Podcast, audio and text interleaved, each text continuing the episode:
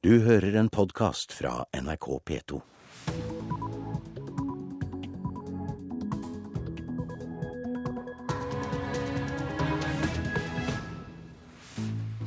Klokka er 6.30 torsdag 11. april. Øystein Heggen skal ta deg gjennom Nyhetsmorgen, og vi har disse overskriftene. Antall tvangsekteskap i Norge øker. Barn ned til 13 år blir tvangsgiftet.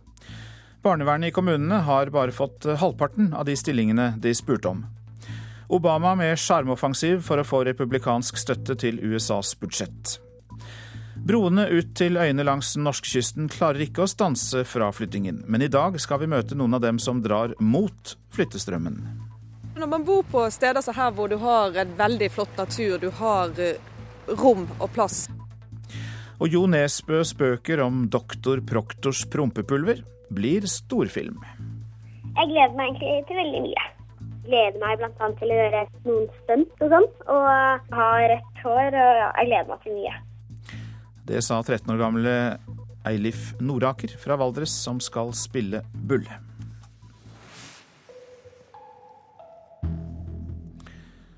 Politidirektoratet synes ikke loven som skulle gi vern mot tvangsekteskap, fungerer. Barn helt ned til 13-årsalderen tvangsgiftes, og antall tvangsekteskap øker, mener politiet. Politidirektoratet ønsker derfor en lovendring, slik at flere kan dømmes. Et stort antall barn og unge opplever trusler om å bli utstøtt fra familiene sine dersom de ikke aksepterer å gifte seg med personer fra familiens tidligere hjemland. Leder av utlendingsseksjonen ved Romerike politidistrikt, Terje Bjøranger, sier til Dagsavisen at antallet unge som tvangsgiftes, er økende. Derfor ber Politidirektoratet nå Justisdepartementet om å vurdere en lovendring slik at flere kan dømmes for tvangsekteskap. Dagens lov mot tvangsekteskap har en strafferamme på seks år og kom inn i straffeloven i 2003, men har ifølge politiet slått feil. Årsaken er at lovbestemmelsen bare kan brukes mot formelle og rettslig inngåtte ekteskap, mens mange av tvangsekteskapene bare er fundert på religiøse seremonier. Derfor ender det med at påtalemyndigheten blir nødt til å tiltale personer for forsøk på tvangsekteskap, noe som gir lavere straff. Justisdepartementet sier de vil vurdere innspillene fra Politidirektoratet. Sa reporter Kristine Næss Larsen. Kommunene ønsker å ansette flere til å jobbe i det kommunale barnevernet, men får nei. Til sammen søkte kommunene om nesten dobbelt så mange stillinger som det er penger til. Norske kommuner sier de har behov for over 450 nye stillinger, men får bare halvparten. Vi søkte 3,8 stillinger til saksbehandling, åtte stillinger til gjennomføring av tiltak. Helsebyrådet i Bergen fra Høyre, Hilde Oneheim, søkte om å få 16 nye barnevernsstillinger til kommunen. Selv om kommunen fikk tildelt ti nye stillinger, er ikke dette godt nok for å hjelpe barn i nød, sier hun. Vi er klart skuffet over at ikke vi fikk de stillingene. Det er slik at befolkningsgrunnlaget og omfanget av barnevernssaker tilsier at vi absolutt burde fått de stillingene vi søkte om. Mengden av barnevernssaker øker sterkt i de mest folkerike kommunene, samtidig som sakene er blitt mer alvorlige, sier barnevernslederne. NRK har vært i kontakt med fylkesmennene i 18 fylker. Fylkesmennenes oversikter viser at kommunene har søkt om langt flere stillinger enn det er midler til. Mens øremerkingen skal dekke 252 stillinger, er det søkt om midler til 466 stillinger. For det første så forteller dette oss at det er flere unger som trenger hjelp enn det regjeringa har stilt opp med midler til.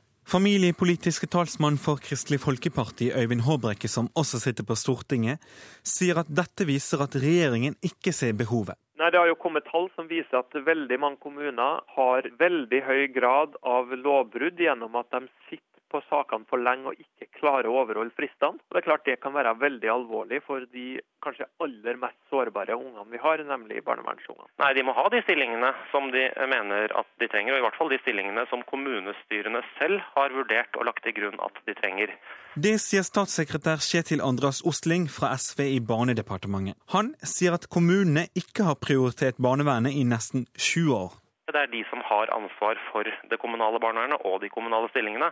Det at staten øremerker tilleggsmidler, det er en klar påpekning om at kommunene ikke har tatt det ansvaret godt nok eh, så langt. Nei, Det er mye man kan si om regjeringens barnevernssatsing. Intensjonen er nok god, men eh, det er nok slik at det blir småpenger ut fra det som eh, er kommunenes behov. Helsebyrådet i Bergen, Hilde Onarheim. Reporter var Renald Tennison Christoffer. Norsk studentorganisasjon starter sitt landsmøte i Tønsberg i dag. Der møtes over 300 tillitsvalgte studenter fra høyskoler og universiteter. Kunnskapsminister Kristin Halvorsen kommer også til møtet, og kan vente seg å bli grillet på en rekke områder studentene er misfornøyde med. For få studentboliger er ett tema. Og leder av Norsk studentorganisasjon, Øyvind Berdal, du er med oss fra Tønsberg.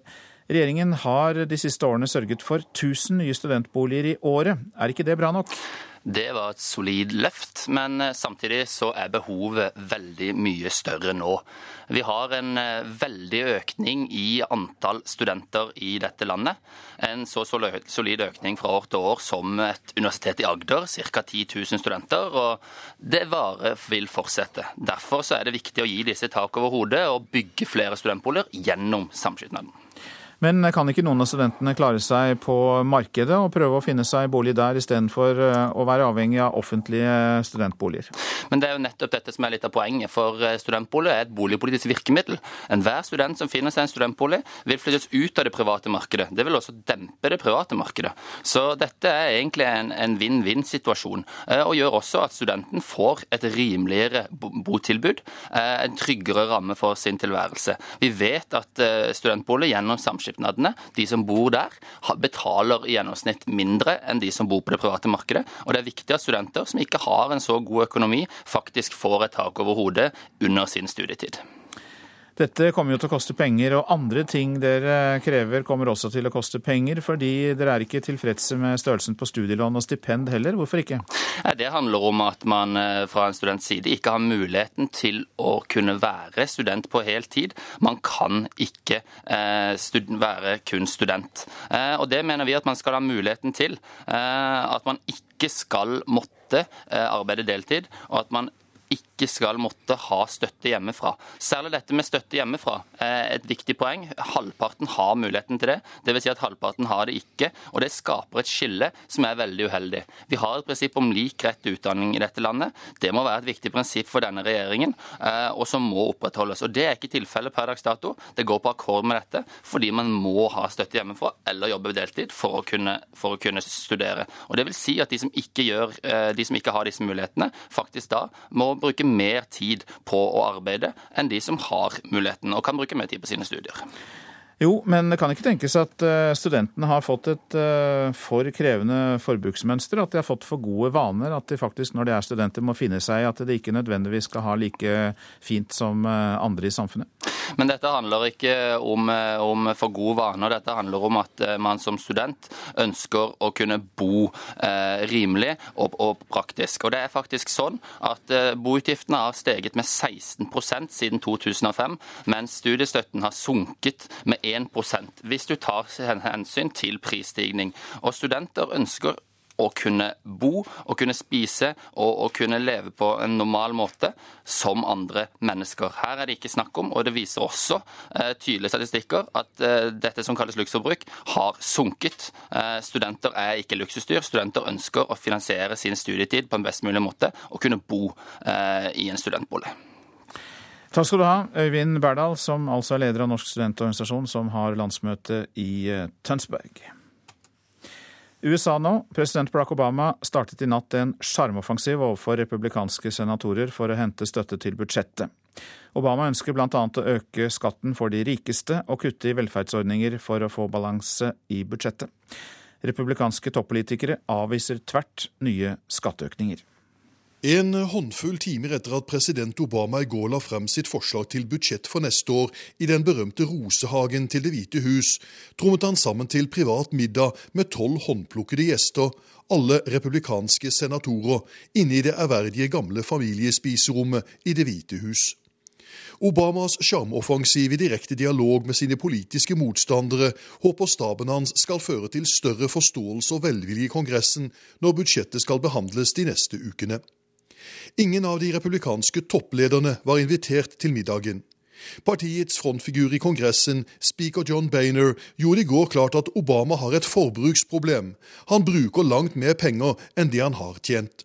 Uh, uh.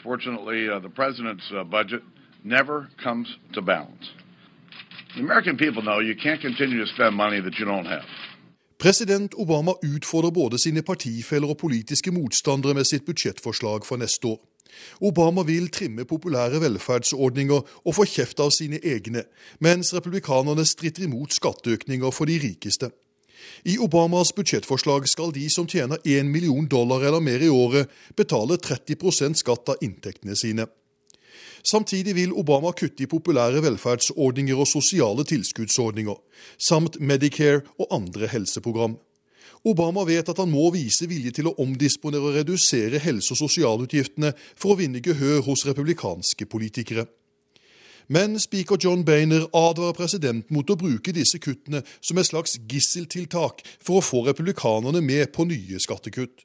But I would hope that uh, he would not uh, hold hostage uh, uh uh, for his demand for bigger tax, tax. Også republikanernes majoritetsleder i Representantenes hus, Erik Kantor, avviser å heve skatten for de aller rikeste. Han mener Obamas budsjett er repetisjon av feilslått økonomisk politikk, der det brukes mer penger enn man har, slik at gjeldsbyrden øker enda mer. Finally, the president has uh, offered his budget to the American people. And what we see inside the document is more of the same more spending, higher taxes, uh, more debt. President Obama fastholder at hans budsjett vil sørge for nye arbeidsplasser og gi middelklassen økonomisk vekst. Han mener at budsjettet vil bidra til å løse USAs enorme økonomiske utfordringer.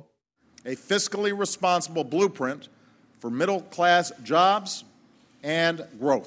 For years, the debate in this town has raged between reducing our deficits at all costs and making the investments necessary to grow our economy. This budget answers that argument because we can do both. Under den to og en halv time lange private middagen i natt med de republikanske senatorene ga Obama uttrykk for sine tanker rundt det å få til et balansert budsjett. Dialogen rundt middagsbordet blir beskrevet som konstruktiv av Det hvite hus. På menyen sto bl.a. biff og grønn salat. I de neste ukene får vi svar på om sjarmoffensiven overfor de republikanske senatorene ble politisk matnyttig for president Obama. Jon Gelius, Washington. I Syria utfører Luftforsvaret målrettede angrep mot sivile. Det sier menneskerettighetsorganisasjonen Human Rights Watch. De har besøkt over 50 steder i Syria der tusenvis av mennesker er antatt å ha blitt drept i ulovlige angrep mot sivile. Organisasjonen kritiserer nå Russland og Kina for å blokkere FNs forsøk på å legge press på regimet i Syria, melder BBC. Så litt om det avisene har på sine forsider. Oljefondet tjente fett på Ryanair, skriver Klassekampen. Over en halv milliard kroner har det statlige fondet satset i det omstridte flyselskapet. Ansatte i Ryanair ved Rygge flyplass varslet om elendig lønn og mangel på mat allerede i 2011, skriver Dagsavisen. Først 16 måneder senere sjekket Luftfartstilsynet forholdene. Norges verste flaskehalser er innfartsveiene til Oslo, Bergen og Stavanger, skriver Dagens Næringsliv. De koster samfunnet to milliarder kroner i året, og dyrest er køene på E18 fra vest mot Oslo. Norske banker avverget svindel for 300 millioner kroner i fjor, skriver Bergens Tidende. Kjøttforedlingsbedriften Brakstad i Godvik ble svindlet for 740 000 kroner. Det er en gåte hvordan svindlerne klarte det, sier styreleder Øyvind Lavik til avisa. Mora mi har vært sykepleier i 30 år, og jeg ser jo at det er urettferdig at jeg skal tjene mer enn henne allerede i min første jobb. Ja, det sier petroleumsstudent Astrid Fosså, Exet, til Adresseavisen i dag. Oljeingeniørene havner på lønnstoppen med en gjennomsnittlig månedslønn på 60 000 kroner. Frykter ulikheter og krever gratis SFO, er oppslaget i Vårt Land. Foreldre med tre barn kan risikere en årlig utgift på 80 000 kroner for skolefritidsordningen, og Oslo-rektor krever nå gratis SFO.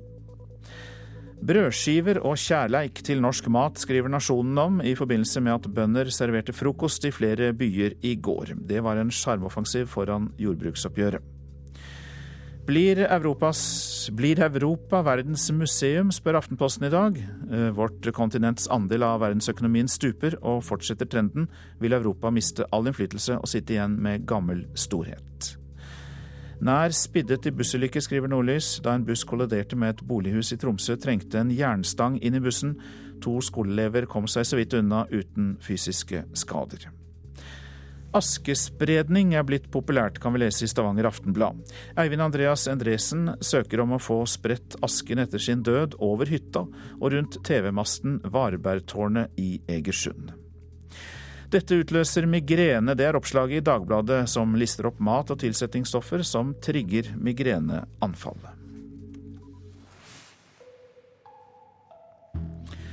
Så går vi inn i sportens verden. Barcelona er klare for semifinalen i Mesterligaen, mye takket være verdens beste fotballspiller, Lionel Messi. Selv om en småskadet Lionel Messi startet på benken for Barcelona i mesterligakvartfinalen i går kveld, var det argentineren som ble avgjørende i returoppgjøret mot Paris Saint-Germain. Anført av Zlatan Ibrahimovic ledet franskmennene 1-0 og hadde semifinalebilletten i lomma da Messi ble byttet inn. Men da fikk PSG-trener Carlo Angelotti se at kampbildet endret seg. Messi, Messi alene ga et løft til hele laget. Han gjorde at hele stadion fikk selvtillit. Selv om han ikke er helt frisk, kan han når som helst avgjøre kamper. Den lille magikeren hevet hele Barcelona-laget og startet angrepet som ga katalanerne den avgjørende utligningen. Dermed kunne lagkamerat Iniesta puste ut. Quizás ese momento, pues, la presencia de Leo Mot slutten av kampen gir Messi oss roen vi trengte. Han er en spiller som kan sette i gang gode kombinasjoner og avgjøre kamper med et enkelt spark. Med 1-1 er Barcelona klare for semifinale sammen med Real Madrid, Borussia Dortmund og Bayern München. Sa reporter Carl Andreas Wolle.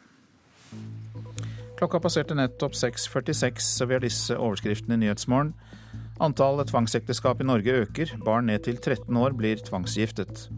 Barnevernet i kommunene har bare fått halvparten av de stillingene de spurte om. Og snart skal vi høre at Jo Nesbøs bok om doktor Proktors prompepulver blir storfilm.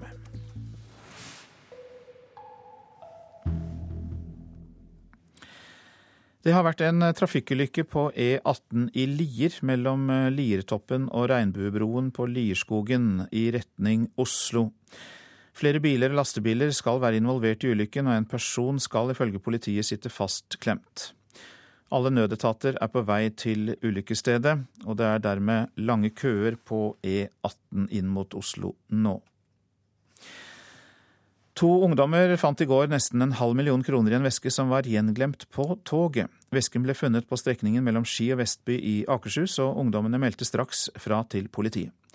Politiet vet hvem som har lagt igjen pengene, og understreker at de ikke har mistanke om noe kriminelt. Men det kan bli aktuelt å utbetale finnerlønn til ungdommene. Det skal avklares i dag. Og vi snakker altså om nesten en halv million kroner som ble funnet.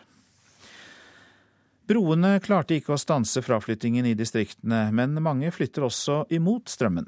Nå er håpet at bedre veier skal bidra til å få flyttestrømmen tilbake til distriktene. Kjærligheten lokket Toril Albertsen til Sunnøya i Nordland, og nå har hun kjøpt og skapt nytt liv i skolen, som ble nedlagt pga. brua.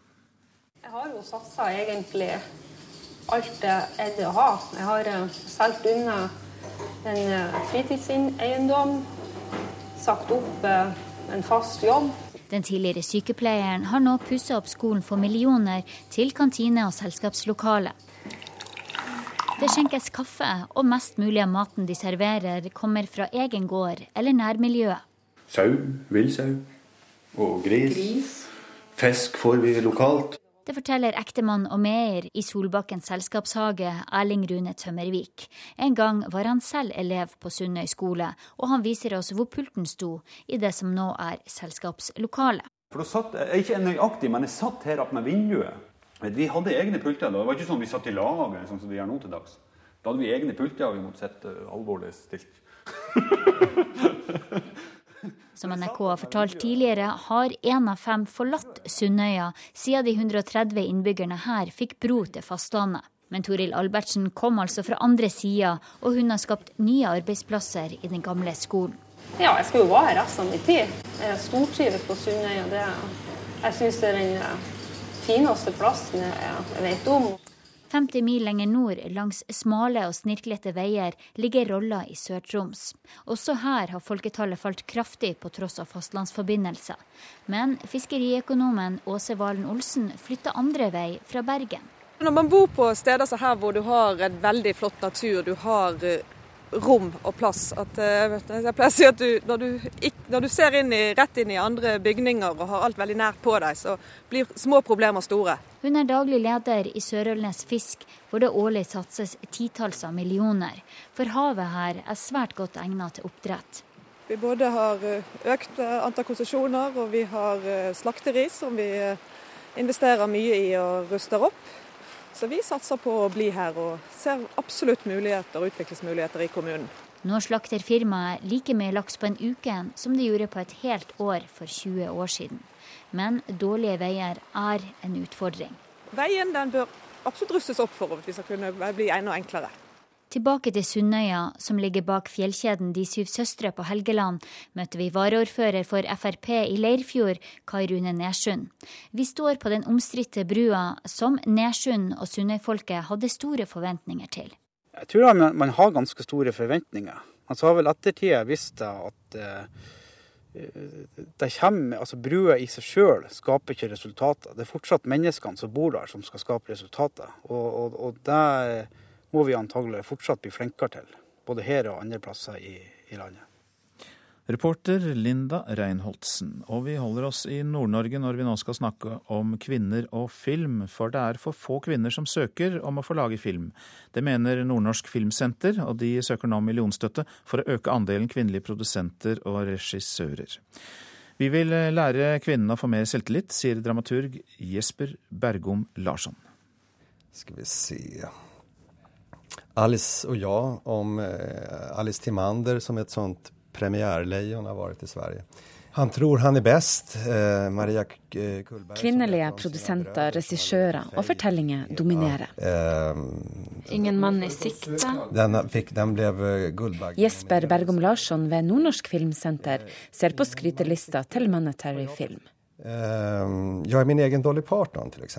Det er en veldig Nå skal du lene deg tilbake senke skuldrene dine og puste med magen. For å få nordnorske filmkvinner til å bli tøffere og søke mer penger for å lage film, har Jesper henta inn Margrethe Olin og hun som driver dette svenske selskapet, Stina Gardell. Og jeg skulle gjerne ville booste de her kvinnene med eh, to stykker sterke kvinnelige filmere som virkelig har lykkes å, nå ut i verden og eh, som kan være forbilder for, for nordnorske eh, kvinnelige filmere. Ja, eh, jo, bo, boosta, altså eh, Fylle dem med selvfortroende og vise at det går å komme ut.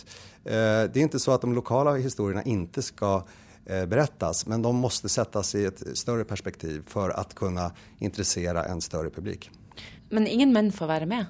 Nei, ikke ens jeg budsjettsøknad for 2014 til Kulturdepartementet. For å øke likestillinga søker daglig leder ved Nordnorsk Filmsenter Tor Vadseth Kulturdepartementet om hjelp. På 1,2 millioner har vi søkt der. Først og fremst den store biten av det, det er et eget utviklingsprosjekt for kvinnelige regissører, manusforfattere og produsenter.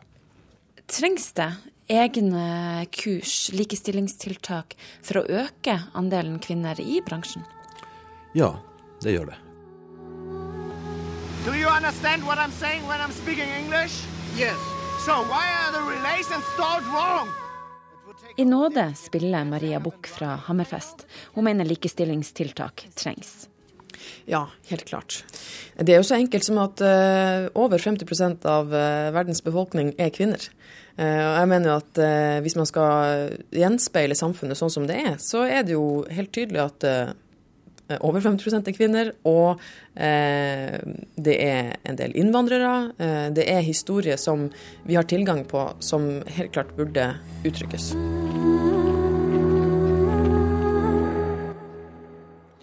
Reporter i Tromsø, det var Karoline Rugeldal. Den populære boken til Jo Nesbø om doktor Proktor og hans prompepulver blir nå storfilm. Filmen skal spilles inn både i Tyskland og Norge, og har et budsjett på over 40 millioner kroner. Hovedrollen skal spilles av 13 år gamle Eilif Noraker fra Valdres. Jeg gleder meg egentlig til veldig mye. For i filmen om doktor Proktors prompepulver er stikkordene både morsomme filmstunt og rødt hår. Jeg gleder meg bl.a. til å gjøre noen stunt og sånn. Og spille inn og ha rødt hår. Og jeg gleder meg til mye. Ja, Det sies at du allerede har fått rødt hår?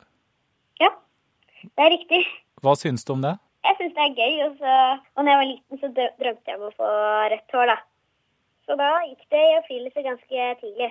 Doktor Proktors prompepulver handler om Bulle som flytter inn i Kanonveien. Der møter han Lise og doktor Proktor, en gammel, forvirret oppfinner. Filmen er basert på den første boka til Jo Nesbø, og produsent Cornelia Boysen har et budsjett på over 40 millioner kroner. Betyr det at um, du som produsent får leke deg ekstra mye, da? ja, vi kan aldri få nok penger. Det er en film som finner sted i et, et, fantastisk univers. Og i tillegg så er det mye effektarbeide som gjør at uh, vi, har, vi, har, ikke mer enn en akkurat, for å si det sånn, men vi har mer enn nok til å få dette til å bli den filmen vi hele tiden har ønsket at det skal bli. Eilif Noraker, som skal spille hovedrollen som Bulle, har spilt i både reklamefilmer og spillefilmer. Bl.a. som ett av barna til Thor Heyerdahl i Kon-Tiki-filmen. Og Eilif er den perfekte Bulle.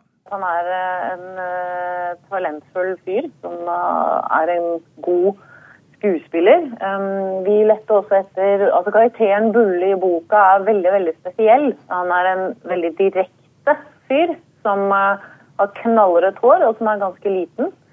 Uh, og Eilif uh, har nettopp i tillegg til sterke skuespillerkvaliteter, så har han også liksom det, det, vi så etter sånn utseendemessig. Innspillingen starter allerede til uka. Først tre uker i Tyskland, deretter fire uker i Norge. Men Eilif liker ikke at det blir langt fravær fra skolen hjemme i Valdres. Det er det som er litt minus, da, at jeg får så mye fri fra skolen så lenge, i hvert fall. I filmen blir det mye promp. Doktor Proktor finner jo tross alt opp et prompepulver. Det prøver Bulle, så da um, må jeg henge i vaieret når jeg skal gjøre den scenen. Og de skal bare være festet til buksa. Og så skal jeg liksom henge og opp og fly, og det blir skikkelig morsomt. Hvordan høres det ut når Bulle promper med prompepulver? Um, det tror jeg er eh, vel så høyt smell som et romskip. det blir en skikkelig høy promp? Ja, det blir skikkelig høy og skikkelig lang. Jeg flyr veldig mange meter opp i lufta, for å si det sånn. Men tross alt så er det filmtriks, da. All denne superprompingen kan vi oppleve på kino til vinteren i 2014, reporter Geir Rød. Vi tar et eh, værvarsel nå. Fjellet i Sør-Norge.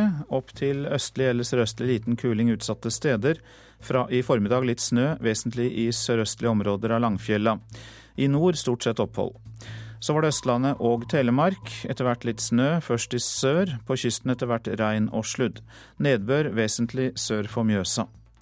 Agder østlig liten kuling på kysten, periodevis stiv kuling vest for Oksøy. Litt snø, fra utpå dagen regn på kysten. Rogaland østlig liten kuling utsatte steder. Utpå dagen kan hende stiv kuling utsatte steder på kysten sør for Obrestad. Litt sludd eller snø i sør og øst, ellers oppholdsvær i Rogaland. Hordaland og Sogn og Fjordane. Opp i liten kuling utsatte steder i Hordaland. Oppholdsvær i Hordaland, til dels eh, pent vær i Sogn og Fjordane. Møre og Romsdal får stort sett pent vær. Trøndelag og Helgeland, Saltfjellet, Salten og Ofoten stort sett pent, men etter hvert tilskyende i Trøndelag i grensetraktene mot Sverige. Fra i kveld kan det bli liten kuling nord i Trøndelag. Så var det Lofoten og Vesterålen, sørvestlig liten kuling, sludd- og snøbyger. Fra i ettermiddag pent vær. Troms etter hvert pent vær i dag. Kyst- og fjordstrøkene i Vest-Finnmark nå. Opp til sørvestlig stiv kuling på kysten. Enkelte snøbyger på kysten, ellers for det meste opphold. Fra i ettermiddag pent vær. Så var det Øst-Finnmark og Finnmarksvidda. Opp til liten kuling utsatte steder i Øst-Finnmark. Det blir oppholdsvær og perioder med sol til og med. Nordensjøland på Spitsbergen får oppholdsvær. Så tar vi for oss temperaturene. De ble målt klokka fem i natt. Svalbard lufthavn minus 17 grader. Kirkenes minus 5. Vardø minus 2. Alta og Tromsø begge pluss 1 grad. Bodø minus 1. Brønnøysund 0. Trondheim, Værnes og Molde begge minus 4. Bergen-Flesland minus 1. Stavanger 2 grader pluss. Kristiansand-Kjevik 0. Gardermoen minus 4. Lillehammer minus 2. Røros er nede i minus 14 i dag. Og Oslo-Blindern har minus 1 grad. Du hører en podkast fra NRK P2.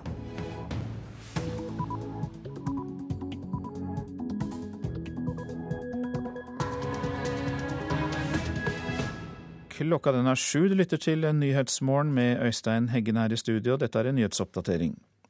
Skulderen ble ødelagt da mannen forsøkte å redde livet til en kvinne etter en trafikkulykke. Han kan takke seg selv, mener forsikringsselskapet, som nekter å utbetale skadeerstatning. Når hun tegner en ulykkesforsikring, så trodde jeg at det var dekka på ulykker. Kjell Granstøl, som vi snart skal høre mer fra. Stor trafikkulykke på E18 i Lier nå, mellom Liertoppen og Regnbuebroen på Lierskogen i retning Oslo. Flere biler og lastebiler skal være involvert i ulykken. Det som ser ut, det er veldig kaotisk. Det ligger biler og, og hengere rundt hele området der. Og, og, det som nok har skjedd, for meg så ser det ut som det er en nødulykke. Altså det, det er veldig mye grove spor i veien fra Oslo mot Drammen. Det fortalte vitne Finn Kristiansen, og vi understreker at E18 er stengt i begge retninger ved Liertoppen. Melkebøndene har ikke tjent en krone ekstra, selv om Tine økte smørprisen med 15% ved nyttår. Foreløpig tjener jeg ikke noe mer på det. Jeg har bare fått økte utgifter. Jeg mener jo for øvrig at smørprisen skulle vært lagt på mye mer, fordi at vi produserer jo smør med tap. Melkebonde Dag Fossen der. Det er feststemning på verdens børser. Vi får en oppdatering ganske snart. Og så har vi tall som viser at antall tvangsekteskap i Norge øker. Barn ned til 13 år blir tvangsgiftet. Et stort antall barn og unge opplever trusler om å bli utstøtt fra familiene sine dersom de ikke aksepterer å gifte seg med personer fra familiens tidligere hjemland. Leder av utlendingsseksjonen ved Romerike politidistrikt, Terje Bjøranger, sier til Dagsavisen at antallet unge som tvangsgiftes er økende. Og I den nærmeste halvtimen skal vi også høre at det amerikanske senatet skal stemme over endringer i våpenlovgivningen. En mann som prøvde å redde livet til en kvinne i en bilulykke, blir nektet erstatning av forsikringsselskapet. Mannen ødela skulderen for livet da han løftet bilen vekk fra den døende kvinnen. Fordi han selv tok initiativet til løftet, mener selskapet at det ikke kan ses på som en ulykke. Vi var inne her og hadde akkurat kommet hjem. Og så banker det to hysteriske gutter på, på døra og roper at de trenger hjelp, at mamma, mamma ligger fastklemt under bilen. De springer alt de kan etter de to små guttene og finner den unge småbarnsmoren fastklemt under en tung, eldre Mercedes. Hun skulle bare ta inn posten da bilen med de fire barna ruller fra henne og ned en skråning. Idet hun tar bilen igjen, endrer den retning og velter over henne. Kjetil Granstøl viser oss den korte strekningen fra huset hans og bort til ulykkesstedet, der han sprang etter fem- og seksåringen som hadde kommet seg løs og løpt etter hjelp. Og guttene først, da, for å vise hvor, hvor det var skjedd hen. Og Da var det jo masse skrik og skrål, for da var jo De har jo to mindre søstre som satt fremdeles inne i bilen i, og hylte. Mercedesen er så tung at den egentlig skal være umulig å løfte. Men sammen med sin egen sønn på 16 år klarer de det. Vi teller til tre og tar i alt det vi bare kan, og, og lykkes med det. Men det er allerede for sent. Småbarnsmoren er klemt i hjel av sin egen bil, mens Kjetil har revet opp sin nyopererte skulder på en sånn måte at den aldri mer kan fungere som før. Jobben som tømrer kan han trolig bare glemme. Likevel blir han avvist av både sitt eget forsikringsselskap Trygg og av forsikringen på bilen. Trygg sier Kjetil ikke er rammet av en såkalt plutselig ytre begivenhet. Siden han selv tok initiativet til å redde en annens liv, får han ingen erstatning. Jeg forstår jo hva de sier, men jeg, da er jo noe av poenget borte med hele ulykkesforsikringa, hvis de skal ha med så mange små detaljer at de er fraskriver seg ansvaret på nesten alt som er. Når hun tegner en ulykkesforsikring, så trodde jeg at det var dekka på ulykker. Saken er nå sendt til Finansklagenemnda og dermed ikke avsluttet. Trygg ønsker derfor ikke å kommentere dette nå. Mange har denne typen ulykkesforsikringer. Fagsjef i Forbrukerrådet Jorge Jensen sier det er problematisk hvor ulikt forsikringsbransjen og folk definerer en ulykke. Det som skjer, er jo at det, det de legger inn i disse forskjellige vilkårene, er jo ikke det samme som vi legger inn i det, og den forståelsen vi har. Og det, det er jo det som også bidrar til at folk blir forvirra over hva de er forsikra for. Og Hva mener dere bør gjøres med det? Vi ser jo frem til et mer enkelt og mer forståelig forsikringsspråk. Jeg ser jo at forsikringsselskaper jobber med det, og, men de har lang vei igjen å gå. Det var fryktelig å, å høre de panikkslagne ungene som kom. Og de skjønte vel egentlig allerede da hva som hadde skjedd. Gjør dette her at du eh, hadde tenkt deg om hvis det hadde skjedd noe lignende en gang til? Nei. Eh, I en sånn situasjon så gjør du det du kan, og litt til. Uansett. Kjell Granstøl til reporter Ellen Borge Christoffersen. André Fimreite, god morgen. God morgen. Du er advokat og spesialrådgiver i eh, NAF. Og de fleste som hørte dette samtidig med oss nå, de vil vel tro at eh, De vil vel mene at dette var en heltemodig innsats. Hva mener du? Ja, Det er det ingen tvil om at det er. Eh, Han, han har gjort en fantastisk innsats. eh, Og, og som forhåpentligvis de fleste av oss ville gjort ut fra et sånn medmenneskelig eh, syn. Men det forsikringsselskapene ikke har tatt inn over seg av flere ting, men, men det er jo at man også har en juridisk plikt til å hjelpe til hvis man kommer til et trafikkuhell, og det er belagt med straff hvis man ikke gjør det. Så, så stand, forsikringsselskapene vil jeg heller si, sine standpunkt her er, er eh, skulle nærmest være et signal til at man skal gi blaffen i å hjelpe folk, og heller ta straffen. For det de sier er at han ikke ble utsatt for en plutselig ytre begivenhet, men foretok da et eh, valg selv, et kalkulert valg om å hjelpe. Men du, det du da sier er at dette valget ligger jo implisitt i lovverket, at vi skal hjelpe når slike ting skjer. Ja, veitrafikklovens paragraf 12 er helt klar. Eh, Alle som er involvert i trafikkuhell har en hjelpeplikt, men også andre hvis, som kommer forbi, som der er behov for, de skal hjelpe, gjøre det de kan for å hjelpe til. Og eh, som sagt, Han har gjort en helt utrolig innsats, og standpunktet til forsikringsselskapet er jo definitivt i tvil med folks rettsfølelse. Har du hørt om lignende? Nei, det har jeg faktisk ikke. Det har vært borti saker som kan ha enkelte fellestrekk, men så rendyrket som dette har jeg aldri vært borti. Hadde han eh, i det hele tatt eh, noen annen mulighet i den situasjonen som du har fått eh, beskrevet nå, slik at han kunne ha unngått det problemet han har fått med forsikringsselskapet?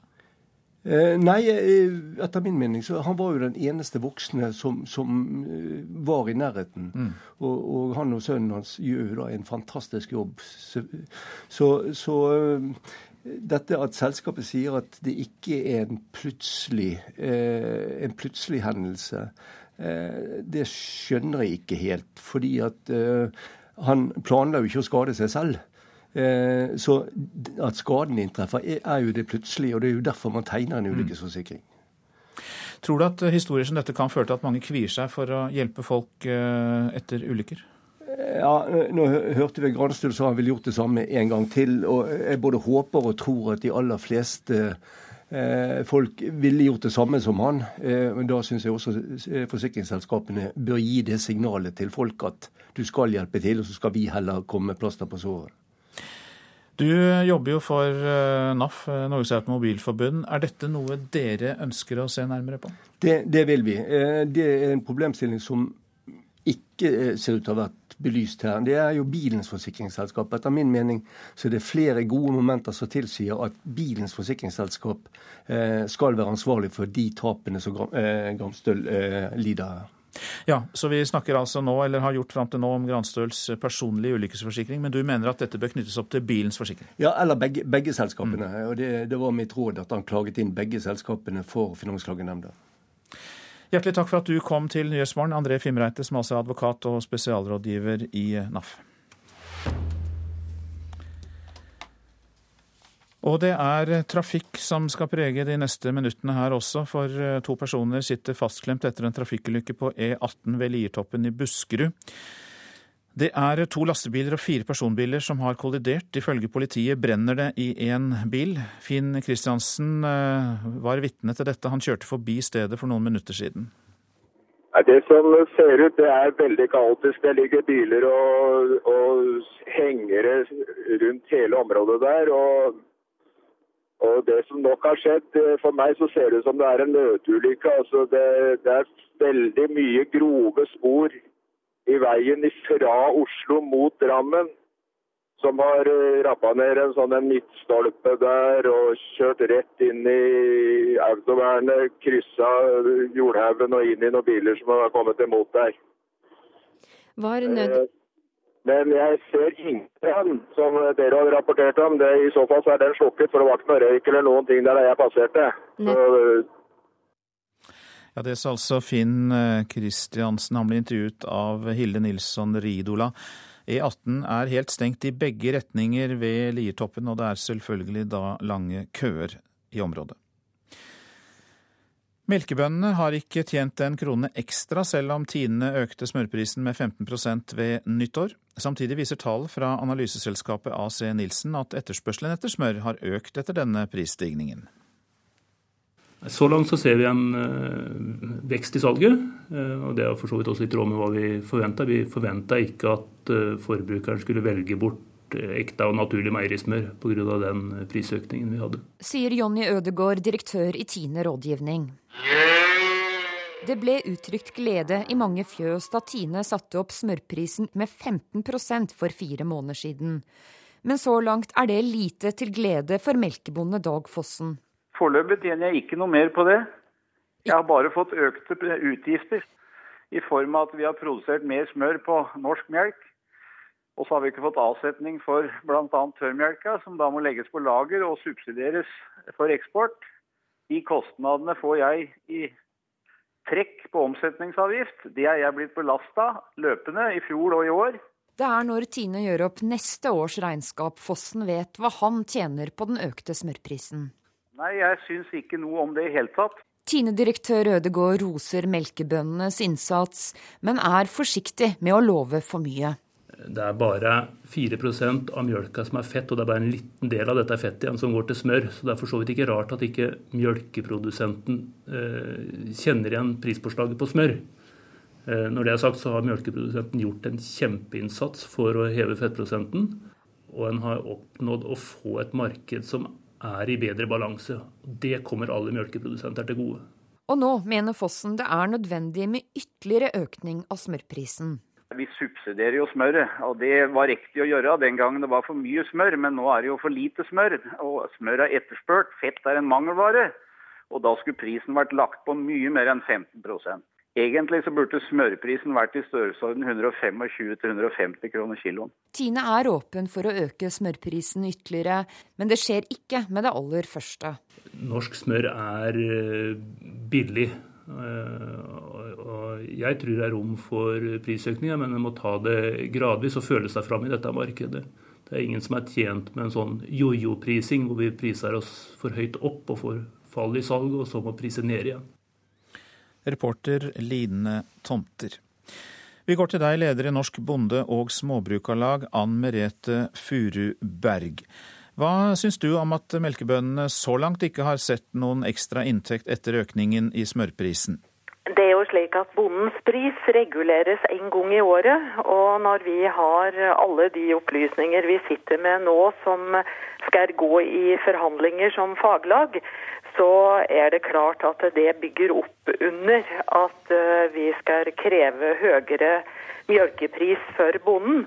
Og så har vi en appell til eh, Tine, som eh, da har større inntekt nå, og ha større etterbetaling til bonden.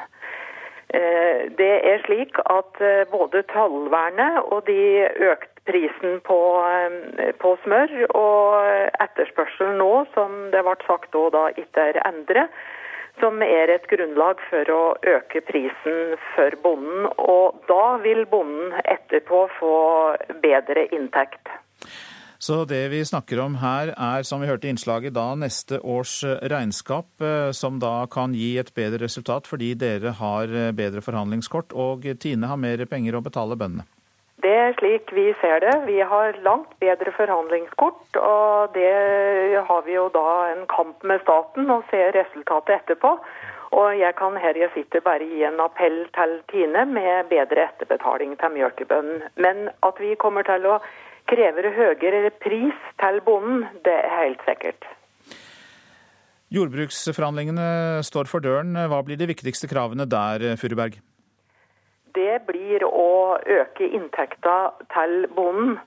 Eh, det er slik nå at det er eh, så stor avstand mellom eh, bondens inntekt og, og sammenligningsgruppa at det er fare for at norsk matproduksjon rakner. Og vi må ta grep som gjør at vi får økt matproduksjon i Norge. Det er norske myndigheters ansvar å sikre matsikkerhet for folket, og internasjonal solidaritet for å være og ta sitt ansvar med å produsere mat. Anne Merete Furberg, takk skal du ha. Du var altså med i Nyhetsmorgen om dette med smørpris og jordbruksoppgjør, leder i Norsk bonde- og småbrukarlag.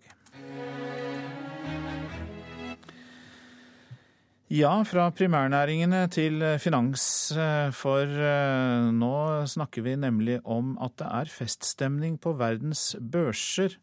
I USA endte børsene på sitt høyeste nivå noensinne i går, og kursoppgangen fortsetter i Asia. Hva i all verden er det som skjer, eh, økonomireporter Sindre Heyerdahl? Jeg syns dette strider med alt jeg har hørt i det siste?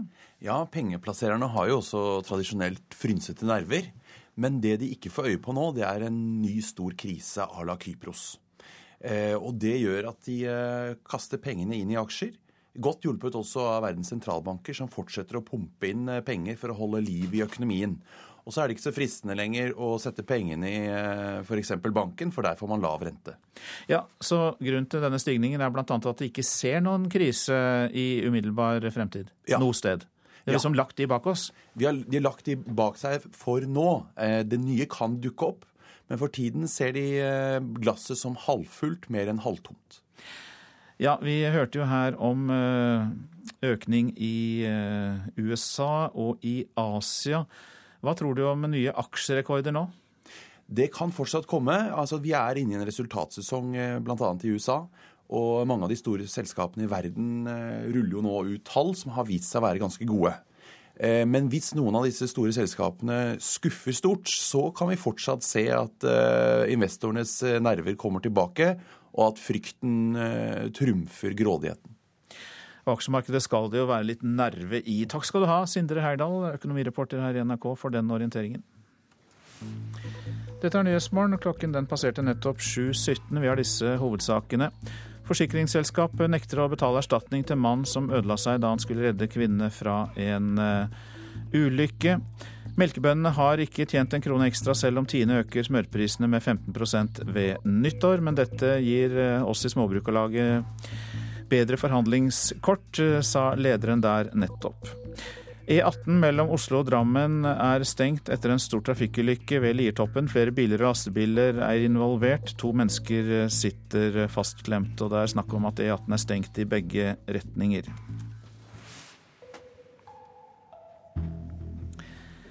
I dag skal det amerikanske senatet stemme over en ny våpenlovgivning. USAs president Barack Obama satte saken på dagsorden etter skolemassakren i Newtown i desember i fjor, der 20 barn og 6 voksne ble drept. USAs president kom til sine egne da han denne uka snakket om en strengere våpenlovgivning for de etterlatte etter skolemassakren i Newtown. This is not about politics. This is about doing the right thing for all the families who are here that have been torn apart by gun violence. Dette handler ikke om politikk. Dette handler om å gjøre det rette for de familiene som har fått ødelagt livene sine pga. våpenkriminaliteten, slik at vi kan hindre at dette skjer igjen, sa en engasjert Obama. 20 barn og seks voksne ble drept under skolemassakren i Newtown i desember. Siden den gang har presidenten innstendig bedt de folkevalgte om å stemme ja til tøffere våpenlover. Denne uka skjedde nok en tragisk hendelse da en fire år gammel gutt tok livet av en to år eldre lekekamerat med farens skytevåpen. Jeg er sint på faren som hadde våpen i huset, sa en nabo etter drapet. Retten til å eie våpen er nedfelt i USAs grunnlov. Meningsmålinger viser at et flertall i befolkningen støtter et forbud mot såkalte angrepsvåpen, men lobbygruppene kjemper imot, og Obama har til nå hatt store problemer med å få de folkevalgte til å støtte reformene av våpenlovene. Selv om han flere ganger har bedt dem om å sette politiske interesser til side. You know, every once in a while, we set politics aside and We just do what's right. We gotta believe that. President Barack Obama til slutt. Utenriksmedarbeider Guri Nordstrøm laget eh, innslaget. Alexander Ibsen, god morgen. God morgen. Du er sosiolog og fast skribent i det liberalkonservative tidsskriftet Minerva. Kan du oppdatere oss på hva som har skjedd med arbeidet rundt våpenlovgivningen i USA det siste døgnet? Ja, det er at to senatorer har kommet frem til et tekstforslag til et lovforslag som skal stemmes over først i Senatet og senere til Kongressen. Og før det er ført i signert av Barack Obama, så eh, kan det jo ha blitt eh, endret. Så vi har ikke noe sted vi kan dynges ned i tillegg, så dens magre skrått der kjennes. Men det er tre ting som er regulert ved denne nye, eller så, i det nye forslaget. Det er noen budsjettøkninger til eh, sikkerhet ved skoler. Det er eh, økte straffer for uillegal illegal våpenomsetning. Og det viktigste, siste, er at den, den innfører bakgrunnssjekk av de fleste våpenkjøp. Ikke så mange som Obama og mange demokrater har ønsket seg, men, men flere enn lobbyen i Washington, våpenlobbyen altså, Eh, har eh, forsøkt å forhindre, sånn at det også uh, skyter disse gun shows, som har vært et smutthull for kjøp av våpen uten bakgrunnssjekk, vil også bli da gjenstand for det. Og I tillegg så skal det sendes ikke opprettes et, et nasjonalt register, men alle lisensierte våpenforhandlere er, vil etter dette nye lovforslaget måtte holde et register over sine bakgrunnssjekker. Men dette er jo først og fremst tiltak eh, som eh, skal forhindre at eh, folk som ikke bør ha våpen i det hele tatt, eh, kan få de, altså at man har en bakgrunnssjekk. Men dette med prinsippet om å ha sitt våpen blir absolutt stående i USA? Ja, det vil ikke bli endret av, av dette i det hele tatt. Det, den, det, som man ser, det er to måter man kan regulere våpen i USA i dag. Vi må ikke glemme at dette landet har man estimerer omtrent 300 millioner sivile våpen like mange som det er mennesker. Mm. Den ene reguleringen man kan forsøke, er å begrense visse typer våpen eller magasinkapasitet. Sånn som var Clintons eh, plan, og som ble gjennomført. Men den andre er å prøve å regulere hvem som får lov til å ha våpen. Men når man har 300 millioner våpen i omløp, om ikke i omløp, i hvert fall i privat besittelse, så vet man jo at at det vil eh, være mulig for eh, hvem som helst å få tak i et våpen, i prinsippet. Men, men som du sier, den rettigheten er ikke endret. Det er kun eh, hvem det er som man skal prøve å stoppe fra å ha et. Så noe forbud mot håndvåpen, det er en lang vei fram dit i USA? Det kommer aldri til å skje. Det er jo ikke noe forbud mot håndvåpen i Norge heller. Det er bare litt vanskeligere å få tak i et. Men uh, når det gjelder dette ønsket om at uh, automatvåpen skulle forbys og farligere våpen, kraftigere våpen skulle forbys, uh, der er det ingen endringer i den justeringen som kommer nå? Nei, det er ikke den Clinton sin firearms, den, den loven Jeg har glemt navnet på den i forbifarten. Det er mange av dem. Men den, den hadde en tiårig varighet. Og når den eh, gikk ut i 2004, så var det jo Det har jo vært siden det et forsøk på å fornye den. Det ble ikke gjort. Og nå, etter skoleskytingene og, og også Aurora-skytingen i Colorado, kinoen, så har det vært mange som ønsker seg at man skulle slenge et, eh, et um, forbud mot disse våpen og magasinstørrelser på denne lovendringen, eller foreslåtte loven nå. Men det ser ikke ut som at det blir gjort. Det er også hvem er det som kommer med dette forslaget i Senatet. Det er jo to som eh, erklærer seg selv å komme fra en våpenkultur, en gun culture. Eh, en eh, republikaner fra Pennsylvania, Pennsylvania og, en, og, en, konservativ demokrat fra, fra West Virginia. Noen endringer i kontrollen, men ikke de helt store endringer. Hjertelig takk for at du kom innom Nyhetsmorgen, Alexander Ibsen, som også er sosiolog og skribent. Takk. Så noen ord om det avisene har på sine forsider. Oljefondet tjener fett på Ryanair, skriver Klassekampen. Over en halv milliard kroner har det statlige fondet satset i det omstridte flyselskapet. Ansatte i Ryanair ved Rygge flyplass varslet om elendig lønn og mangel på mat allerede i 2011, skriver Dagsavisen. Først 16 måneder seinere sjekket Luftfartstilsynet forholdene. Norges verste flaskehals er innfartsveiene til Oslo, Bergen og Stavanger, skriver Dagens Næringsliv. De koster samfunnet to milliarder kroner i eh, året. Norske banker avverget svindel for 300 millioner kroner i fjor, skriver Bergens Tidende. Kjøttforedlingsbedriften Brakstad i Godvik ble svindlet for 740 000 kroner, og det er en gåte hvordan svindlerne klarte det, sier styrelederen i bedriften. Mora mi har vært sykepleier i 30 år, og jeg ser jo at det er urettferdig at jeg skal tjene mer enn henne allerede i min første jobb. Ja, det sier petroleumsstudent Astrid Fosse Ekseth til Adresseavisen i dag. Oljeingeniørene havner på lønnstoppen med en gjennomsnittlig månedslønn på 60 000 kroner. Frykter ulikheter og krever gratis SFO, er oppslaget i Vårt Land. Foreldre med tre barn kan risikere en årlig utgift på 80 000 kroner for skolefritidsordningen, og Oslo-rektor krever gratis SFO. Blir Europa verdens museum, spør Aftenposten i dag. Vårt kontinents andel av verdensøkonomien stuper, og fortsetter trenden vil Europa miste all innflytelse og sitte igjen med gammel storhet. Aksjes, askespredning skal det være, er blitt populært, kan vi lese i Stavanger Aftenblad. Eivind Andreas Endresen søker om å få spredt asken etter sin død over hytta og rundt TV-masten Varbergtårnet i Egersund. Det er mye skog i Norge, og mer skal det bli, for nyplanting av skog har økt voldsomt de siste par år. Økningen er faktisk så stor at skogeierne må få litt eh, ekstra hjelp fra svenskene.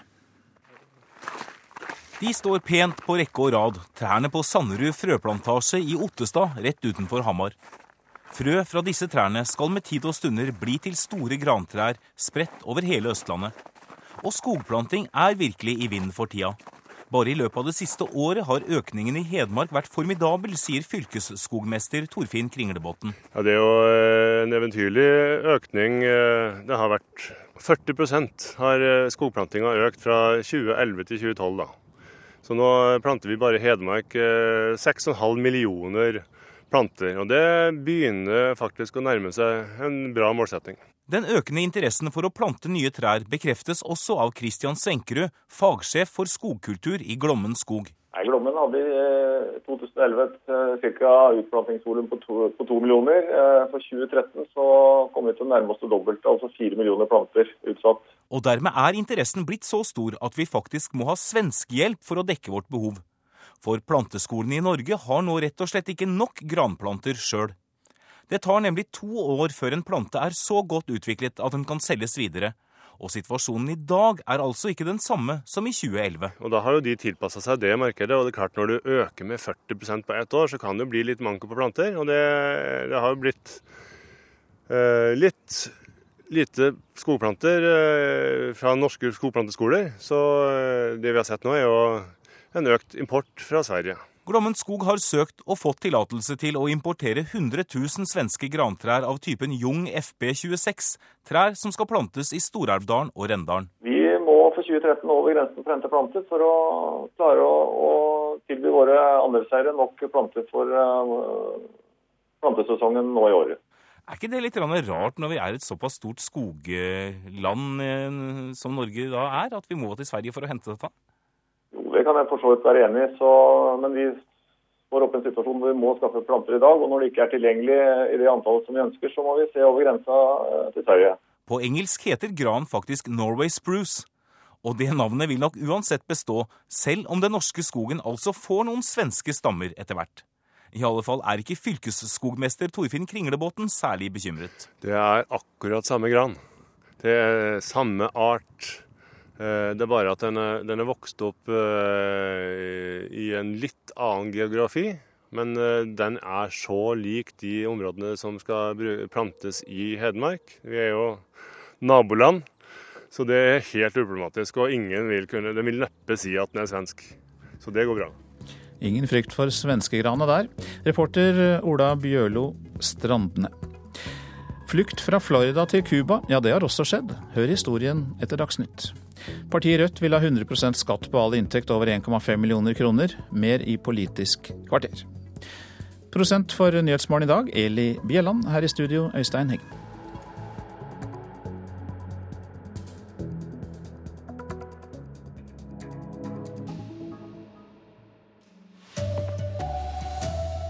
En bil tok fyr, og flere er skadd etter en ulykke på Europavei 18. Mann som forsøkte å redde livet til en kvinne, blir nektet erstatning av forsikringsselskapet. Og smørprisene går rett til værs. Likevel har ikke bøndene tjent en krone ekstra. Riktig god morgen, her er NRK Dagsnytt klokken 7.30. Flere personer skal være skadd etter en trafikkulykke på E18 ved Liatoppen mellom Oslo og Drammen. To lastebiler, fire personbiler er involvert i ulykken. Reporter Kristine Næss Larsen, hva mer vet vi om det som har skjedd? Ja, politiet de fikk altså melding om denne ulykken på E18 ved Liertoppen like før klokka 6.30 i morges.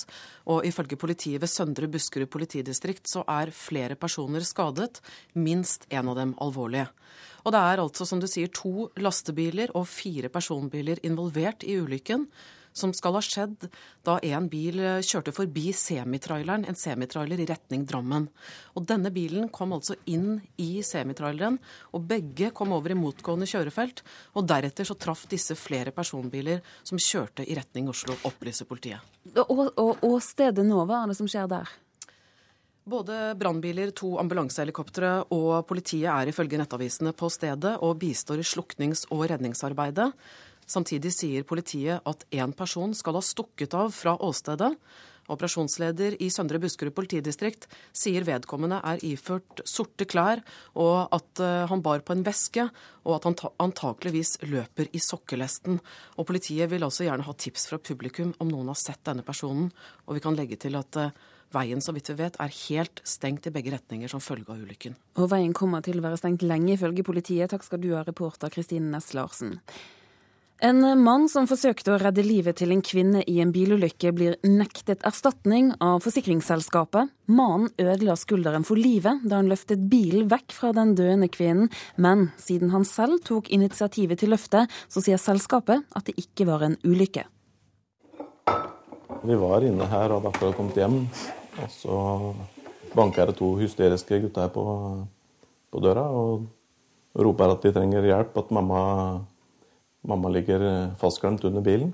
De løper alt de kan etter fem- og seksåringen tilbake til ulykkesbilen som de to akkurat har kommet seg ut av. Der finner de den unge småbarnsmoren fastklemt under den tunge Mercedesen. Da var det masse skrik og skrål, for da var jo De har jo to mindre søstre som satt fremdeles inne i bilen i og hylte. Mercedesen er så tung at den egentlig skal være umulig å løfte. Men sammen med sin egen sønn på 16 år klarer de det. Vi teller til tre og tar i alt det vi bare kan. Men det er allerede for sent. Småbarnsmoren er klemt i hjel av sin egen bil, mens Kjetil har revet opp sin nyopererte skulder på en sånn måte at den aldri mer kan fungere som før. Likevel blir han avvist av både sitt eget forsikringsselskap Trygg og av forsikringen på bilen. Trygg sier Kjetil ikke er rammet av en såkalt plutselig ytre begivenhet. Siden han selv tok initiativet til å redde en annens liv, får han ingen erstatning. Når hun tegna en ulykkesforsikring, så trodde jeg at jeg var dekka på ulykker. Saken er nå sendt til Finansklagenemnda og dermed ikke avsluttet. Trygg ønsker derfor ikke å kommentere dette nå. Mange har denne typen ulykkesforsikringer.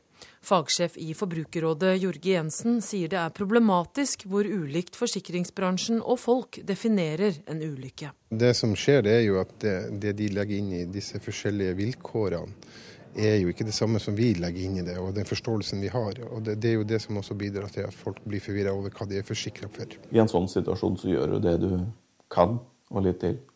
Uansett.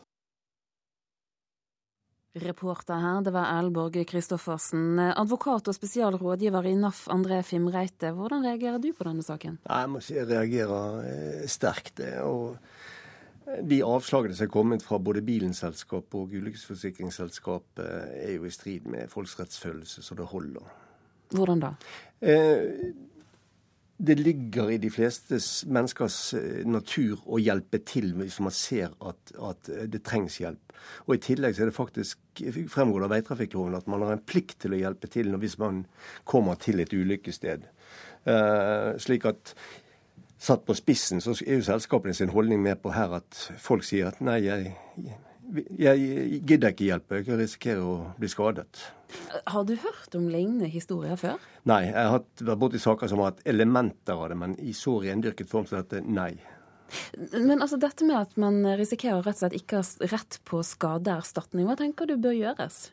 Eh, nå står jo saken i eh, Finansklagenemnden, så jeg håper jo at de, enten at nemnden kommer til et annet resultat, eller at selskapene går i tenkeboksen i forkant og kommer til et annet standpunkt. Men det er gode argumenter også for at bilens forsikringsselskap eh, bærer et ansvar her.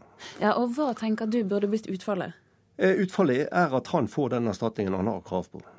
Enkelt og greit. André Fimreite, takk for at du var med oss her i Dagsnytt. Norske melkebønder har ikke tjent en krone ekstra, selv om Tine økte smørprisen med 15 ved nyttår. Samtidig så viser tall fra Åse Nilsen at etterspørsel etter smør har økt etter prisstigningen. Så langt så ser vi en uh, vekst i salget, uh, og det er for så vidt også litt råd med hva vi forventa. Vi forventa ikke at uh, forbrukeren skulle velge bort ekte og naturlig meierismør pga. den prisøkningen vi hadde. Sier Jonny Ødegård, direktør i Tine rådgivning. Det ble uttrykt glede i mange fjøs da Tine satte opp smørprisen med 15% for fire måneder siden. Men så langt er det lite til glede for melkebonde Dag Fossen. Foreløpig tjener jeg ikke noe mer på det. Jeg har bare fått økte utgifter. Det er når Tine gjør opp neste års regnskap Fossen vet hva han tjener på den økte smørprisen. Nei, jeg syns ikke noe om det i hele tatt. Tine-direktør Ødegård roser melkebøndenes innsats, men er forsiktig med å love for mye. Det er bare 4% av mjølka som er fett, og det er bare en liten del av dette fettet igjen som går til smør. Så det er for så vidt ikke rart at ikke mjølkeprodusenten eh, kjenner igjen prispåslaget på smør. Eh, når det er sagt, så har mjølkeprodusenten gjort en kjempeinnsats for å heve fettprosenten. Og nå mener Fossen det er nødvendig med ytterligere økning av smørprisen.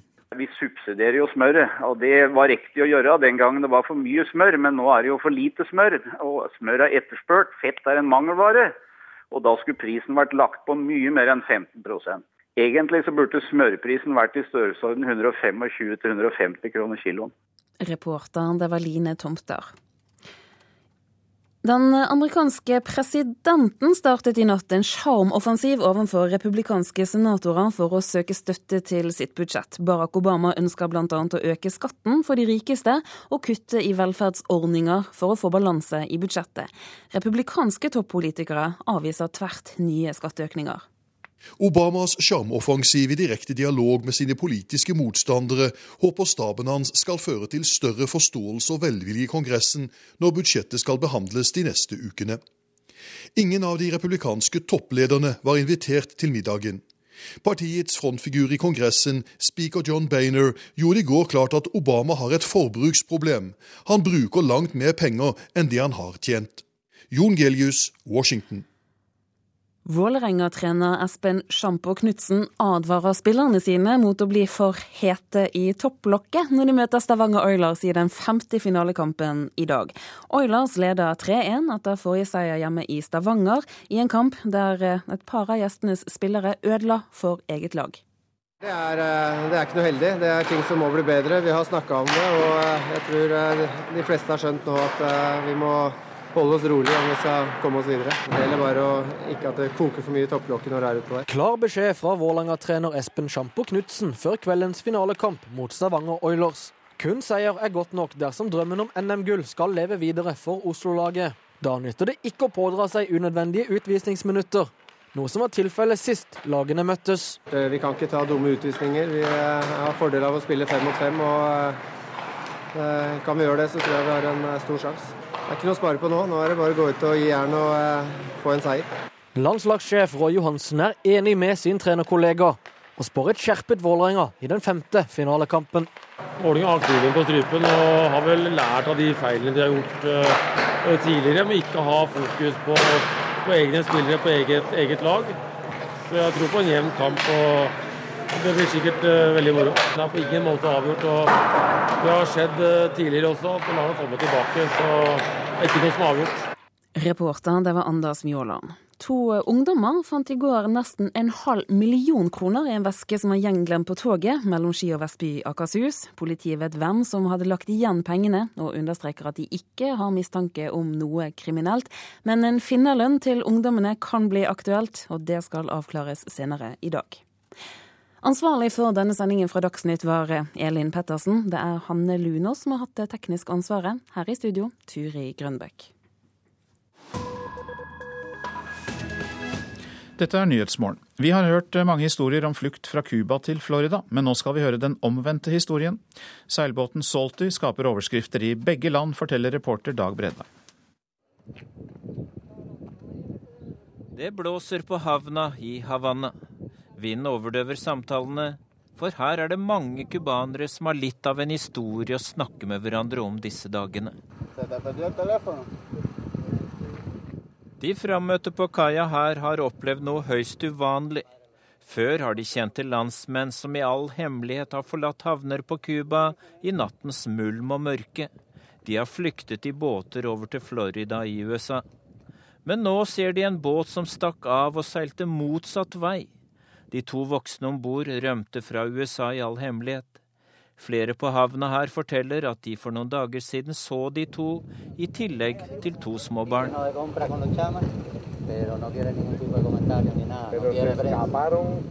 Jo da, noen kan bekrefte at de var i kontakt med mannen som førte den 25 fots seilbåten Salty.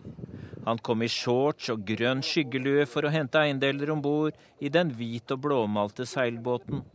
Nysgjerrige cubanere så at i båten var det bl.a. to barneseter og et lite tomt bur, trolig til en katt eller en hund.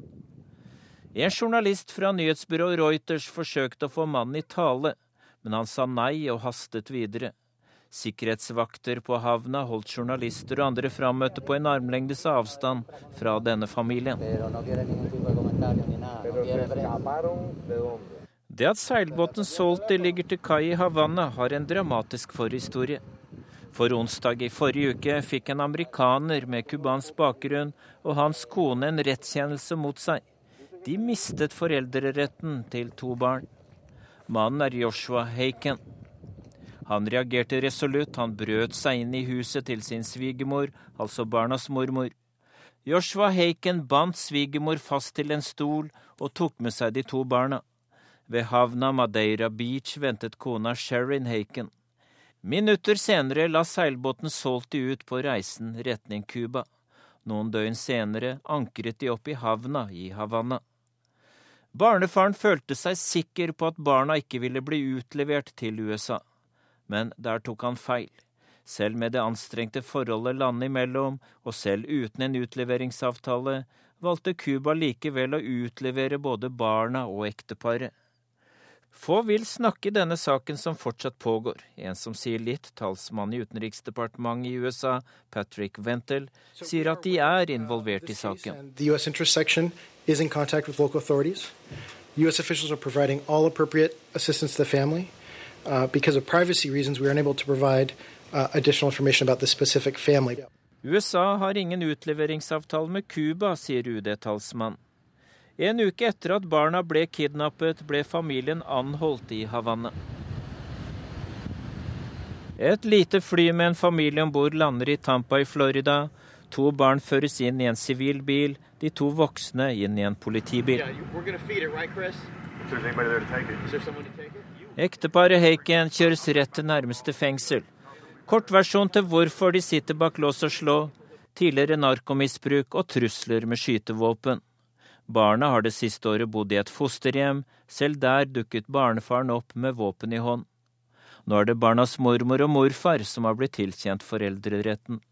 Og mormor, som ble bastet og bundet til en stol i forrige uke, hun er mer enn klar til å ta imot barnebarna på to og fire år.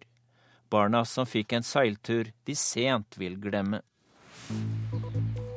Dette er Nyhetsmorgen, og dette er hovedsakene. En person er omkommet i en eh, stor trafikkulykke på E18 mellom Asker og Drammen. Veien er stengt i begge retninger ved Liertoppen. Flere mennesker er hardt skadd og sitter fastklemt. Forsikringsselskap nekter å betale erstatning til mann som ødela seg da han skulle redde en kvinne fra en ulykke. Og melkebøndene har så langt ikke tjent en krone ekstra, selv om Tine økte smørprisen med 15% ved nyttår. Så er det klart for Politisk kvarter, og der blir det Robin Hood-takter, programleder Sigrid Solund. Rødt vil eh, gi til de fattige og ta fra de rike, inkludert politikere selv. Og har eh, Venstre gått fra liberal til eh, liberalist?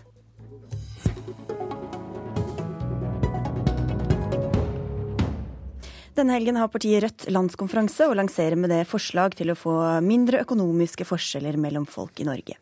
Halvering av stortingsrepresentantenes lønn og full skattlegging av lønninger over 1,5 millioner kroner er noen av punktene. Hvor realistisk vil du si det er, Rødt-leder Bjørnar Moxnes? Nei, Utgangspunktet vårt er jo at det å bekjempe urettferdighet, det å jevne ut klasseskillene, det å gi alle like muligheter, det er blant venstresidas kanskje aller viktigste saker. Også blant de oppdragene som velgerne gir til politikerne hvert eneste år, eh, men som ikke blir fulgt opp av det nåværende Stortinget. Og det vi ser til åtte år med rød-grønn regjering, er jo for det første at vi har fått 100 eh, nye milliardærer. Eh, for det andre at vi har over 100 000 fattige barn. Og for det tredje at vi ikke har hatt så store forskjeller som vi har nå, siden 1930-tallet. Og Da trenger vi etter vårt syn kraftfulle tiltak som, som, har effekt. og Blant de tiltakene er altså millionærskatt. I Frankrike har de innført det, eh, en litt mer moderat variant, vel å merke. Men, men en, en, skattlegging av de rikeste. I Norge så har Olaf Thon tatt til orde for det, og Kåre Willoch. Og vi mener at det er på tide at også Norge Ikke like langt som dere, kanskje? Uh, altså Thon mener at det er mer enn nok at hans toppledere tjener halvannen million eh, kroner i året. For oss er prinsippet det viktigste. Vi må få tak for lederlønnsveksten, som vi ser også i selskaper som staten er hovedeier i, eh, for å få ned forskjellene og for å få bukt med de økende forskjellene. Men Det var talen, men hvor realistisk er det?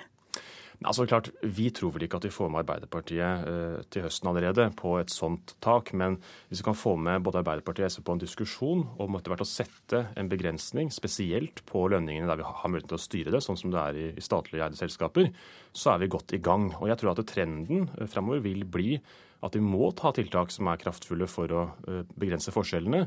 Det ser vi i Europa. Både i Sveits har de nå innført gjennom folkeavstemning. I Frankrike har de nå innført en millionærskatt. Norge bør etter hvert komme etter, og vi går foran. Vi er utålmodige, men vi ønsker gjerne å få med oss Arbeiderpartiet på en diskusjon om hva som kan redusere eh, forskjellene i Norge. Ja, det er vel det vi er i gang med her, da. Altså, Marianne Martinsen fra Arbeiderpartiet, her er det snakk om både å få ned lederlønningene, men også en skatt på alt. Altså 100% skattlegging av alt over 1,5 million kroner i lønn.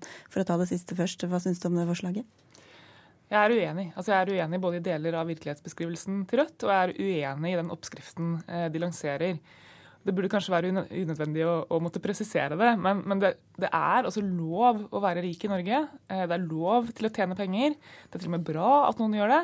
Men det som er det avgjørende, det er at man skal betale skatt etter evne tilbake til det samfunnet som gjorde det mulig eh, å lykkes. Og der har det egentlig skjedd mye de siste åra. Altså, nå er det litt sånn at jeg skulle ønske at det var mulig å vise, vise graf på radio, det kan jeg ikke. Men, men, da vi tok over i 2005, så arva vi et skattesystem som var innretta sånn for de rikeste at jo mer penger du hadde, jo mindre betalte du i skatt. Men Er det blitt mindre forskjeller med dere i regjering, da? Ja, det har det. Altså, et veldig, veldig, vanlig internasjonalt mål på forskjeller er det vi kaller for Gini-indeksen på inntektsforskjeller. Eh, og Det er rett og slett et tall som viser hvor stor inntektsforskjell man har i Norge. Den har gått ned etter 2006. For det vi gjorde i 2006, det var bl.a. å fjerne aksjerabatten i formuesskatten og stramme til i toppen på den. Eh, fram til vi tok over, så var det veldig vanlig at de rikeste i Norge ikke betalte skatt. Rett og slett fordi at du kunne omdefinere lønnsinntekta di til aksje... Men det er ikke det Bjørnar Moxnes det, Nå argumenterer du mot høyresida. Bjørnar Moxnes vil jo da ha 100% skattlegging av alt over 1,5 millioner. Da kan man spørre seg, da, som Marianne Martinsen gjør, vil dere ikke at det skal være lov å være rik i Norge? Altså, jeg tror du kan leve helt OK ja, hvis du har halvannen million kroner i inntekt hvert eneste år. De fleste i Norge har jo omkring 460 000 kroner i inntekt, så jeg tror du vil leve godt med det. Men samtidig så er det helt sant at de store verdiene ligger jo i formuer. Det er helt riktig. Så vi trenger også tiltak for å uh, hente inn mer fra de som har de store formuene. Og vi mener at det vil være riktig å vurdere å innføre et, en, et, en, en, ny takst for de store formuene i formuesskatten, ikke bare 1,1 som det er per i dag. Men hva vil være poenget med å jobbe ekstra f.eks. For, for å få bedriften gjennom en krise, hvis man da skal bli fratatt hver eneste krone man tjener over halvannen million? Vet, De aller fleste i Norge de står opp hver morgen, eh, går på jobb, er motivert, gjør en innsats for samfunnet for langt lavere lønn enn halvannen million kroner i året. Det viktige er jo å få tiltak på plass politisk som kan besvare det oppdraget som velgerne gir politikerne ved hvert eneste valg, nemlig å få et samfunn med mindre økonomiske forskjeller. Og når vi ser at Frankrike innfører tøffere beskatning på millionærinntekter, når vi ser at Sveits gjennom en folkeavstemning eh, gjør det samme, og til og med EU innfører nå eh, beskatning på bonuser eh, for banksektoren, så bør også Europas mest radikale regjering etter mitt syn ta tøffere grep og følge etter og gjøre som Rødt foreslår, i hvert fall gå i den samme retninga og innføre hardere beskatning på de som har aller mest, for å få ned de økonomiske og sosiale forskjellene i Norge. Men altså, Det har vi de siste åra eh, faktisk gjort. Og de rike i Norge betaler skatt som aldri før. Men jeg tror Rødt totalt undervurderer verdien av folk som har drive, folk som driver gründervirksomhet, folk, folk som etablerer bedrifter, og som også har som motivasjon å lykkes økonomisk. At det faktisk er en drivkraft for, eh, for at samfunnet går framover. Og så er det selvfølgelig viktig at man da skatter etter evne hvis man lykkes. Og det ønsker vi at folk skal, skal, skal gjøre. Eh, og så vil jeg jo si at, at, de resultatene som vi har oppnådd i Norge de siste åtte åra, egentlig ganske bemerkelsesverdige. For vi har både fått ned inntektsforskjellene, samtidig som man har skapt 340 000 nye arbeidsplasser. Det har jo nærmest vært, vært framstilt som en naturlov i rike land de siste åra at forskjellene er nødt til å øke fordi at økonomien blir mer globalisert, eh, fordi folk, penger, flytter, eh, flytter raskere på seg osv. Jeg, jeg syns det er litt synd at Arbeiderpartiet ikke tar mer på alvor at, at forskjellene i Norge er historisk høye. Det vil naturligvis sannsynligvis bli langt verre hvis de borgerlige tar over. Men altså, vi trenger tiltak som vil ha effekt. og Blant de tiltakene er økt beskatning på millionærinntekter og også økt beskatning på de største formuene. Og halvering av stortingsrepresentantenes lønn, hvordan skal det monne for å få ut forskjellen? forskjeller? Det vil jo ikke bringe mye penger til fellesskapet, men det vil være viktig for å sørge for at de som er på Stortinget, som vedtar lover og regler, og ikke minst eh, endring av pensjonssystemer, eh, lever litt likere de som de faktisk styrer over. Så det å få en, en mer normalt lønnsnivå på Stortinget tror jeg vil være sunt for stortingspolitikerne, men også vil sørge for at vi får bedre og mer fornuftige vedtak når det kommer til trygder og pensjoner. Dere trenger å bli minnet på hvordan vanlige folk lever, Marianne Martinsen? Så nå har det skjedd en, en ganske voldsom opprydding i Stortinget de siste åra som har gått på en del særordninger som ikke var bra. Pensjoner, doble dietter, rause permisjonsordninger, etterlønn, den type ting, som ikke lar seg rettferdiggjøre overfor for vanlige folk. Sånn at den lønna som stortingsrepresentanter får utbetalt, det er det man faktisk får. Og jeg er, enig, jeg er enig i at stortingslønna ikke bør bli for høy, fordi at vi skal leve stort sett som vanlige folk. Det mener jeg er en styrke ved det norske demokratiet, at vi har politikere som lever veldig vanlige liv.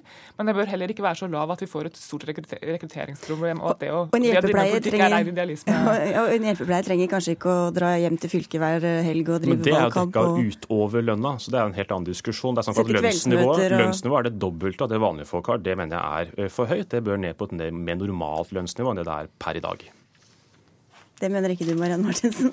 Og Nei, jeg mener at stortingslønna ligger på, på, et greit nivå. Den balanserer mellom at vi ikke skal ha for høy lønn, men heller ikke en så lav lønn at, at eh, folk må gjøre store oppofrelser for å kunne gå inn i politikk. Og når du er ferdig på Stortinget og har hatt et sånt lønnsnivå, så er det klart det er bare, da er det P-bransjen som er der du kan gå for å få tilsvarende lønn etter hvert på Stortinget. Ikke du, det er veldig bra, men mange andre gjør det, fordi de vil ønske å få samme lønnsnivå som de har hatt på Stortinget. Da fikk vi en avklaring på tampen her. Takk skal dere ha, Bjørnar Moxnes og Marianne Martinsen.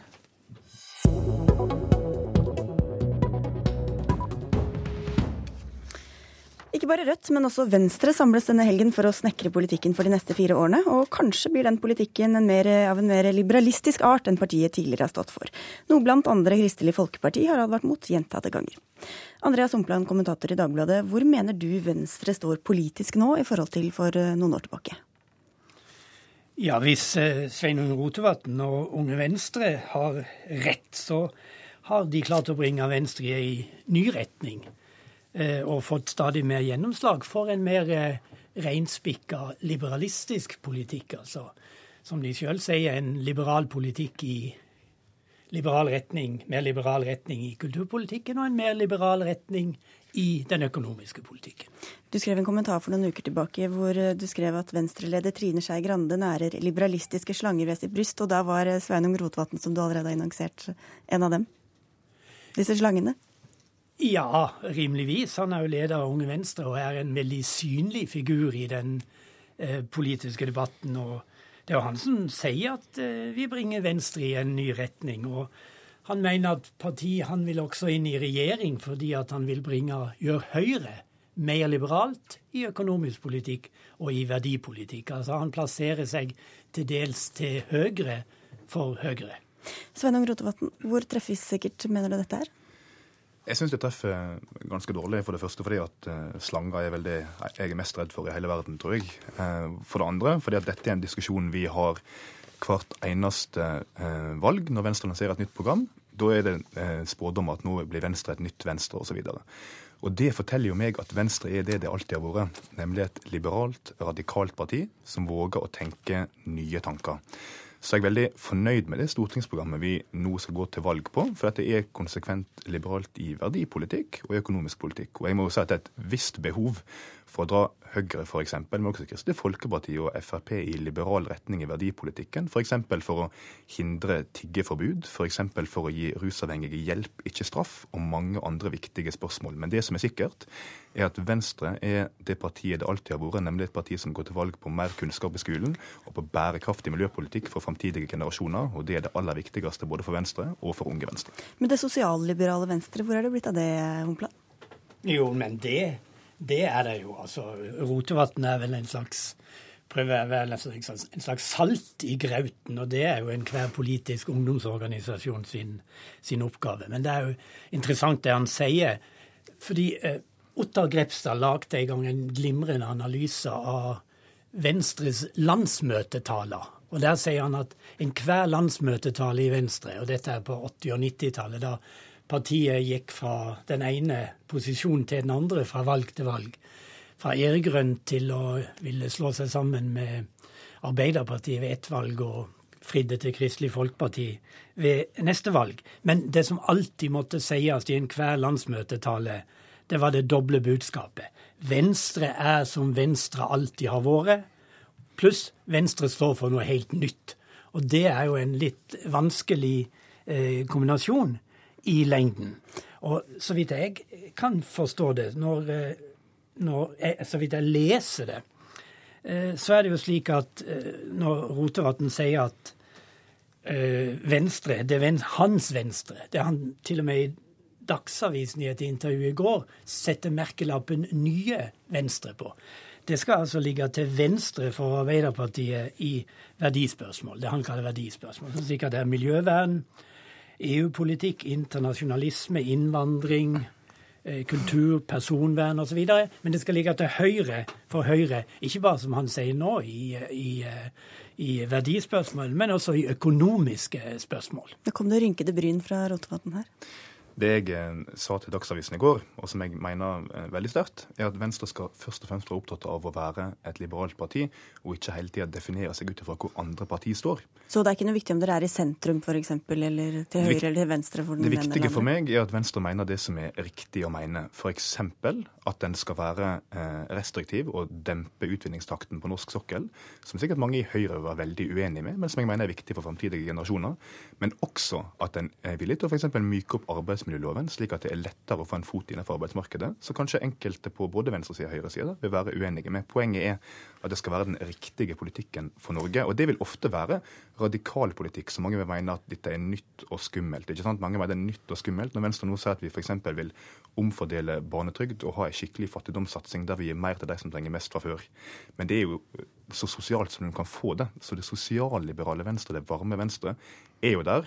Men at en våger å lansere nye reformer ved hvert stortingsprogram, er jo det som kjennetegner Venstre og alltid har gjort det. Og det er det ingen Så, som bør være overraska over. Nytt og gammelt på en som tid, da. Men hva, hva, sier det deg da at Kristelig Folkeparti i summen av disse verdispørsmålene da sier at dere beveger dere bort, og at de advarer mot den utviklingen? At Kristelig Folkeparti som et, et verdikonservativt parti vil være uenig med det frilynte Venstre, eh, det er ikke noe nytt. Men det er at spørsmålene er nye. Altså, tilbake når Kristelig Folkeparti ikke ville gjøre det lovlig å være homofil, så ville Venstre at det skulle være lovlig. Det var sikkert radikalt den gangen. Og så er det nye verdispørsmål som nå blir diskutert, og da vil vi og KrF dra i litt ulik retning, men vi drar i samme retning i f.eks. miljø- og asylspørsmål, som er så viktige i en ny blå-grønn regjering. Jeg merker meg at Rotevatn ikke vil snakke i dag om det han sa til Dagsavisen i går, om at han vil plassere Venstre til høyre for partiet Høyre i økonomiske spørsmål. Og Han nevner jo et eksempel nå om arbeidsmarkedsspørsmål, om sykelønn, fagforeninger, AFP. Kan nevne landbrukspolitikken, der han er for mer frihandel og lavere tollsatser enn det som er i dag. Og han vil ha enda færre reguleringer enn forbud og Høyre. Og det er helt det er en plassering som altså ligger til høyre for Høyre, og til dels til høyre for Fremskrittspartiet. Og jeg ser ikke bort fra at dette i forhold til å rekruttere velgere kan være en måte å plassere seg når Høyre og Fremskrittspartiet har danna regjering og får misnøyevelgere som kommer til Rotevatn. Venstres plassering er trygt i det liberale sentrum. Vi er frilynte, vi er grønne og vi er verdiorienterte, og det er heldigvis velgerne våre også. Og Det høres ut som du allerede sto på talerstolen på Venstres landsmøte. Det skal du gjøre i løpet av helgen. Takk skal dere ha for at dere kom, Sveinung Rotevatn og Andreas Humpland. Det blir mer Venstre i morgendagens utgave av Politisk kvarter. Denne dagens sending er over. Jeg heter Sigrid Solund. Du har hørt en podkast fra NRK P2.